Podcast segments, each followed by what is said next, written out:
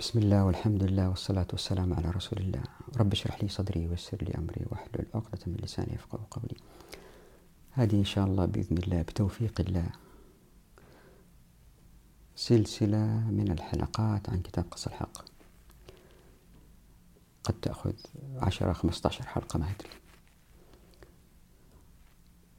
كل حوالي خمسين مئة صفحة سبعين صفحة أحاول ألخصها في حلقة واحدة لكن هذه الحلقة الأولى استثنائية لتوضيح أهمية كتاب قص الحق.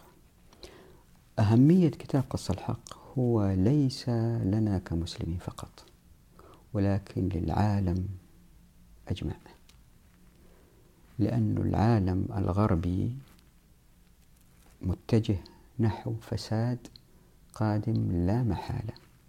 طبعا إحنا ما نقدر نناقش الغربيين في فسادهم الأخلاقي. لكن التلوث البيئي أو الفساد البيئي قادم لا محالة بسبب الرأسمالية والديمقراطية. طبعا أي واحد بيقول لا هي الديمقراطية عندنا ما مطبقة. انظر العالم الغربي كيف متقدم و آه، السويد مثلا ولا فنلندا ولا النرويج الدول الإسكندنافية فيها شفافية عالية فيها محاسبة عالية فيها تمثيل جيد ديمقراطيا. الشعب بيده زمام الأمور. وبالتالي ليش نرفض الديمقراطية؟ الإجابة باختصار إذا كل البشر عاشوا كما يعيش هؤلاء من رقي بسبب الديمقراطية نحتاج أربعة إلى خمسة كرات أرضية عشان الأرض تتحمل التلوث الصادر بسبب هذا النظام. الفوت برنت أو الدمغة البيئية التلوثية للسويد مثلا أربع فاصلة كسور يعني نحتاج أربع كرات أرضية عشان نعيش زي ما يعيش السويديين. لكن هذا لا يعني أنه نعيش في قرى بدائية وما نستهلك جوالات وسيارات لا لا أنا ما أقصد كذا طبقنا الشريعة نعيش بمستويات أفضل من اللي يعيشوا في العالم الغربي. فالله سبحانه وتعالى عندما أعطانا الشريعة أعطانا هي عشان تتبع وإن لم نتبعها مسلمين أو غير مسلمين ستفسد الكرة الأرضية. لأنه هو خلق الأرض وهو وضع الشريعة أعطانا هي. إذا دي ما مشيت مع دي في تلوث قادم لا محالة وهذا عقاب. طبعا معظم الناس رايحين يقولوا بس الشريعة يعني فيها صلوات وفيها عبادات وفيها ما نقدر نرغم الغرب عليها. خلينا نوضح العلاقات ثلاث أنواع. علاقة الإنسان بربه الصلاة الصيام الذكر. القيام. علاقة الإنسان بالإنسان. علاقة التجار بين بعض علاقة المدرس مع الطالب مع مدير المدرسة علاقة الوزراء بين بعض علاقة آه، نقابة السواقين مع نقابة محطات البنزين. هذه علاقات بين الناس. وفي علاقة ثالثة اللي هي علاقة الإنسان بالدولة. طبعا أحيانا تتدخل العلاقات وفيها تفصيل. ففي علاقة الإنسان بربه علاقة الإنسان بالإنسان علاقة الإنسان بالدولة. اللي راح نركز عليه إن شاء الله في كتاب قص الحق هو علاقة الإنسان بالدولة. هذه العلاقة مع الأسف من العصور الأولى للإسلام بدأت بسبب علماء السلاطين تنحرف عن ما أتت به الشريعة. آه، حيز الدولة في الصلاحيات زاد على حساب حيز الأفراد. فإلا صار مزيد من التسلط ومزيد من فقدان الحريات للأفراد. طبعا هذا لا يعني أن الأفراد إذا تمتعوا بحريات أكثر الدنيا تصير فوضى زي ما يحاولوا يقنعونا. لا. ولا تعني الحريات أن كل واحد يسوي على كيفه لا الشريعة أعطتنا أحكام نسير عليها تعطي مزيد من الحريات للناس. ودائما اللي أقوله أنه ما يمكن توجد نظام مثل الشريعة في إعطاء الناس الصلاحيات والحقوق لإطلاق أيديهم. يعني العالم الغربي بأنظمته التي تظهر آه، فيها حرية عالية في الزنا والسكر و ما يمكن يكون كالإسلام في إعطاء الأفراد الحريات في التصرف لإيجاد عمران أفضل وبيئة أفضل. هذا تحدي وهذا إعجاز. كيف مبادئ بسيطة في الشريعة تؤدي إلى إيجاد بيئة مستدامة من غير تلوث بإنتاجية أعلى. وبراحة أعلى وبتمتع أكبر. هذه إعجاز. لكن مع الأسف الشريعة ما طبقت. لعصور كثيرة الشريعة ما طبقت. يمكن من العصور الأولى للإسلام. ورح نوضح. فأهمية كتاب قص الحق والمفروض ما نقول كتاب قص الحق نقول الشريعة في علاقة الإنسان بالدولة. وأنا أسميها مقصوصة الحقوق لأنه جاية من الآية 57 في سورة الأنعام.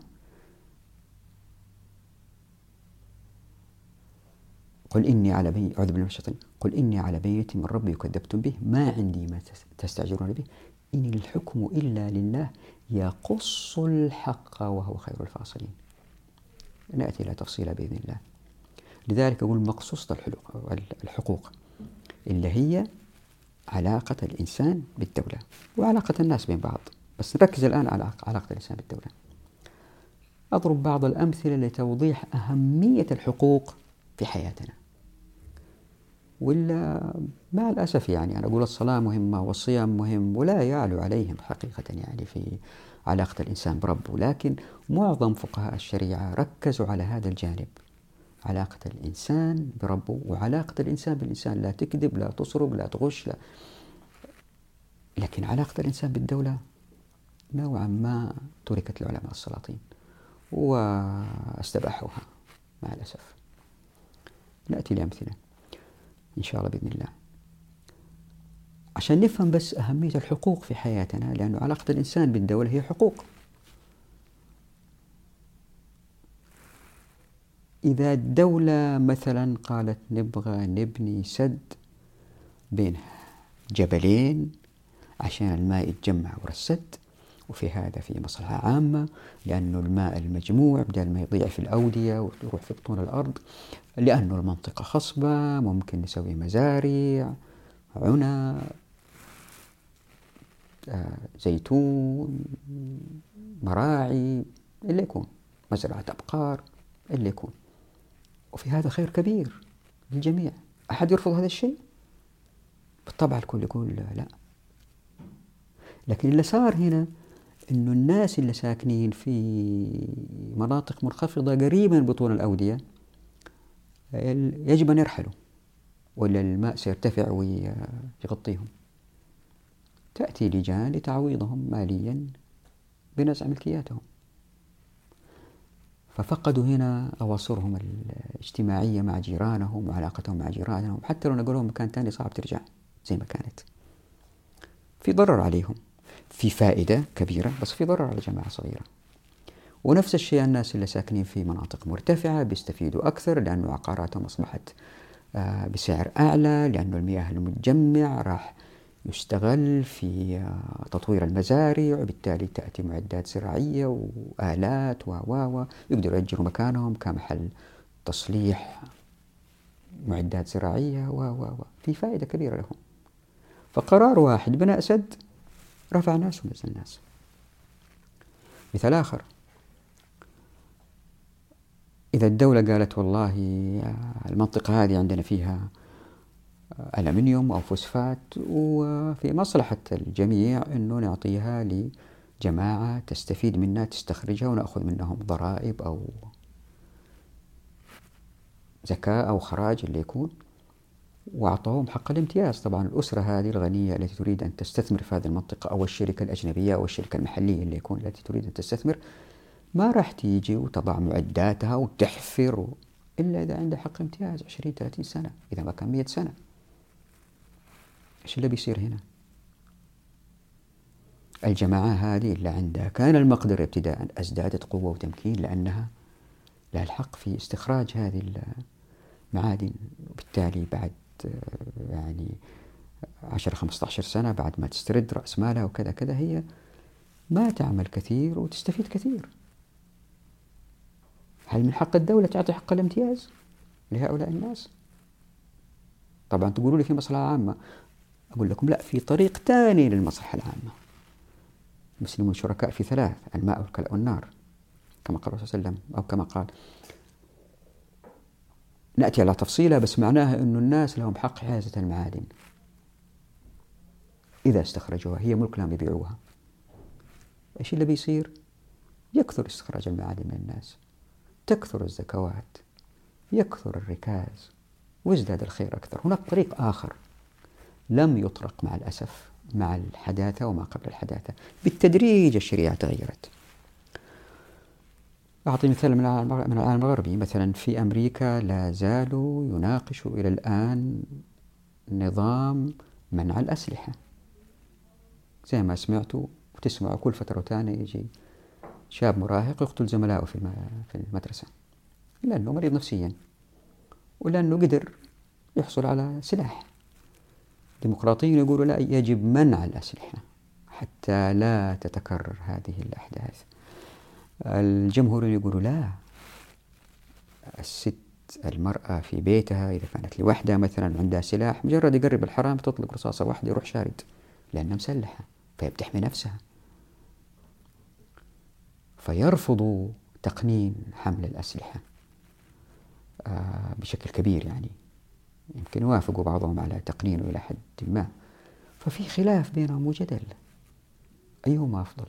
طبعا لا هذا أفضل ولا هذا أفضل لأنه من الأساس الشغلة خربانة. يعني المجتمع من الأساس ما بيحكم في الشريعة في علاقة الإنسان بالدولة فالتركيب غلط. رح نأتي لتفصيل هذا. مثال آخر. الإجهاض. في العالم الغربي في الثمانينات والتسعينات ولا زال الجدل هذا أظن إلى الآن مستمر ما تبعته الجدل هو حول هل للفتاة الحق في الإجهاض بأموال الدولة يعني بأموال دافعي الضرائب. طبعا نظاما هي لها الحق تجهد بمالها أو إذا أحد سعادة مالية لها الحق هذا من حقها. لكن بأموال الدولة في خلاف في وجهات النظر. الناس اللي يقولوا في الغالب جمهوريين ما لا حق لأنه يروا أن هذا قتل لنفس بش... نفس لم تولد بعد. الديمقراطيين يقولوا لا. المفروض يكون لها الحق لأنه هذا مبلغ صغير. آه لا يكلف كثير الدولة لأن الطفل هذا إذا تولد ونشأ في كنف هذه البنت اللي يمكن ما تكون متعلمة ويمكن ما تكون عندها المقدرة المالية تربي ابنها تربية جيدة.